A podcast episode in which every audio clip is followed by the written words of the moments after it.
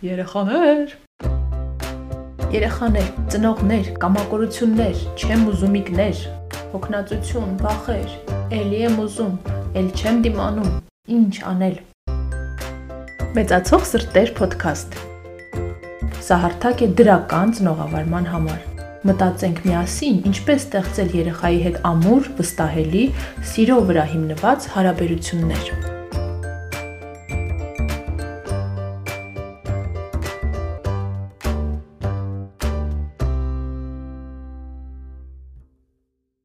Ողջույն, ես Կարինեն եմ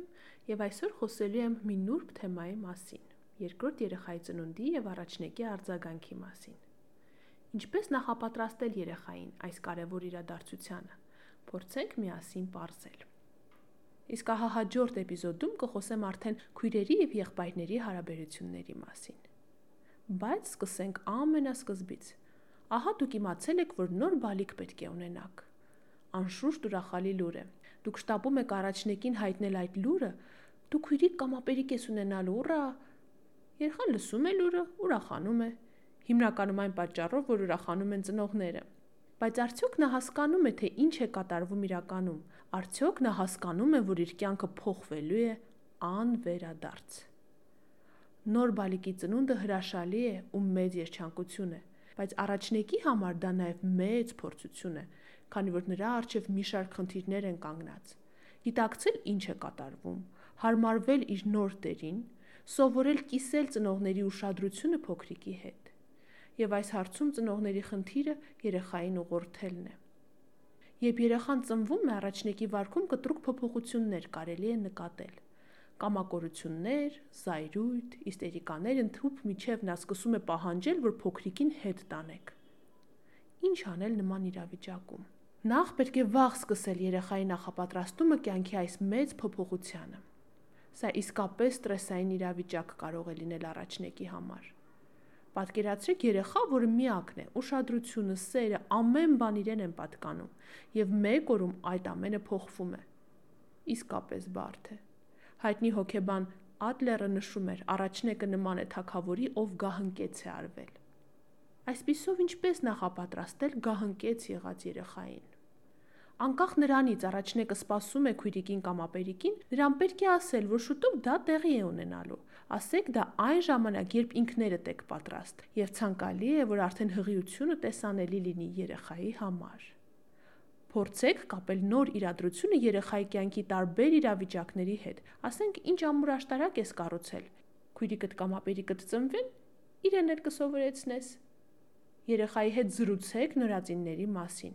Պատմեք իր այդ շրջանի մասին, լուսանկարներ նայեք, նշեք խնամքի կարևորության եւ մանրամասների մասին։ Զրուցեք նաև նորածնի անպաշտպանության մասին, որն ամենակում ոչինչ չի կարող անել եւ դուք բոլորով պետք է խնամեք նրան։ Կերակրեք, լողացնեք, քնացնեք։ Ասեք, որ նա իր նորածնության ժամանակ այդ ամենով անցել է։ Կարդացեք թեմատիկ գրքեր։ Սրանք շատ օգտակար կարող են լինել։ Նախապատրաստեք երեխային նաև խաղի միջոցով։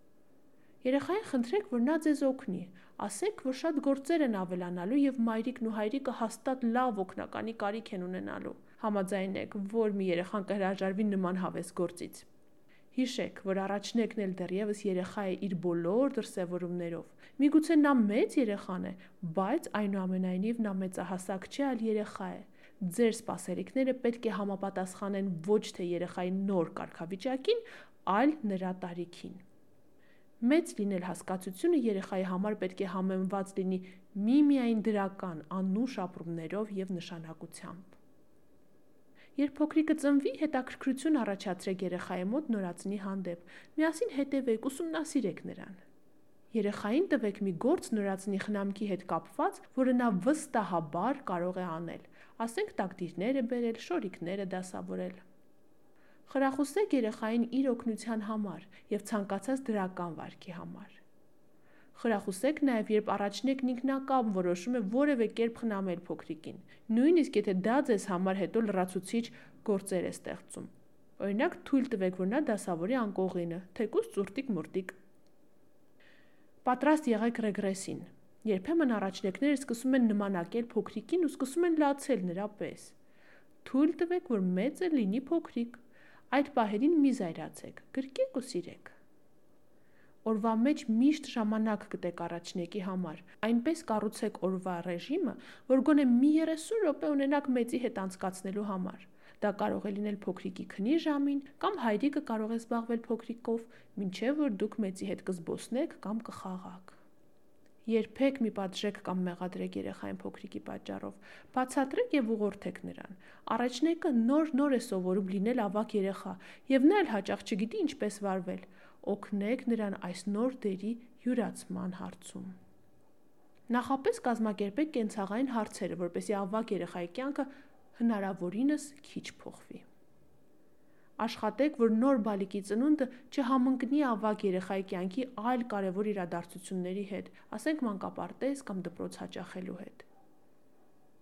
Նախապես ծրագրեք ձեր վերականգնումը ծննդաբերությունից հետո։ Օրինակ, ավակ երեխայի համար զբաղմունքներ մտածեք, որոնցով կարող եք զբաղեցնել նրան փոքրիկի խնամքի հետ զուգահեռ։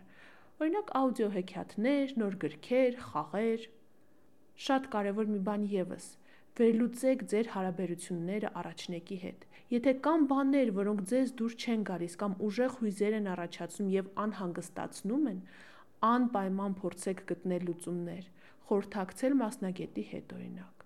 Քանի որ ծնդաբերությունից հետո այդ բոլոր անհանգստությունները կրկնապատկվելու են եւ լարելու են հարաբերությունները առաջնեկի հետ։ Օգտագործեք հղիության շրջանը առաջնեկի հետ ամուր դրական հարաբերություններ կառուցելու համար։ Եվ թերևս ամենակարևոր կետերից մեկը՝ մի մոռացեք ինքնախնամքի մասին։ Բնական է, որ երեխայի ծնունդը լիովին փոխում է օրվա ռիթմը, ռեժիմը, գործերը շատ ավելանում են, բայց այնուամենայնիվ փորձեք օրվա մեջ 20-30 րոպե, ինչքան որ ստացվի, հատկացնել միմիայն ձեզ։ Երբ կլինեք մենակ սենյակում ու պարզապես կհանգստանաք կամ որևէ այլ բան կանեք, բայց վստահ կլինեք, որ դա միմիայն ձեր ժամանակն է։ Այսօր այսքանը։ Լավ մնացեք։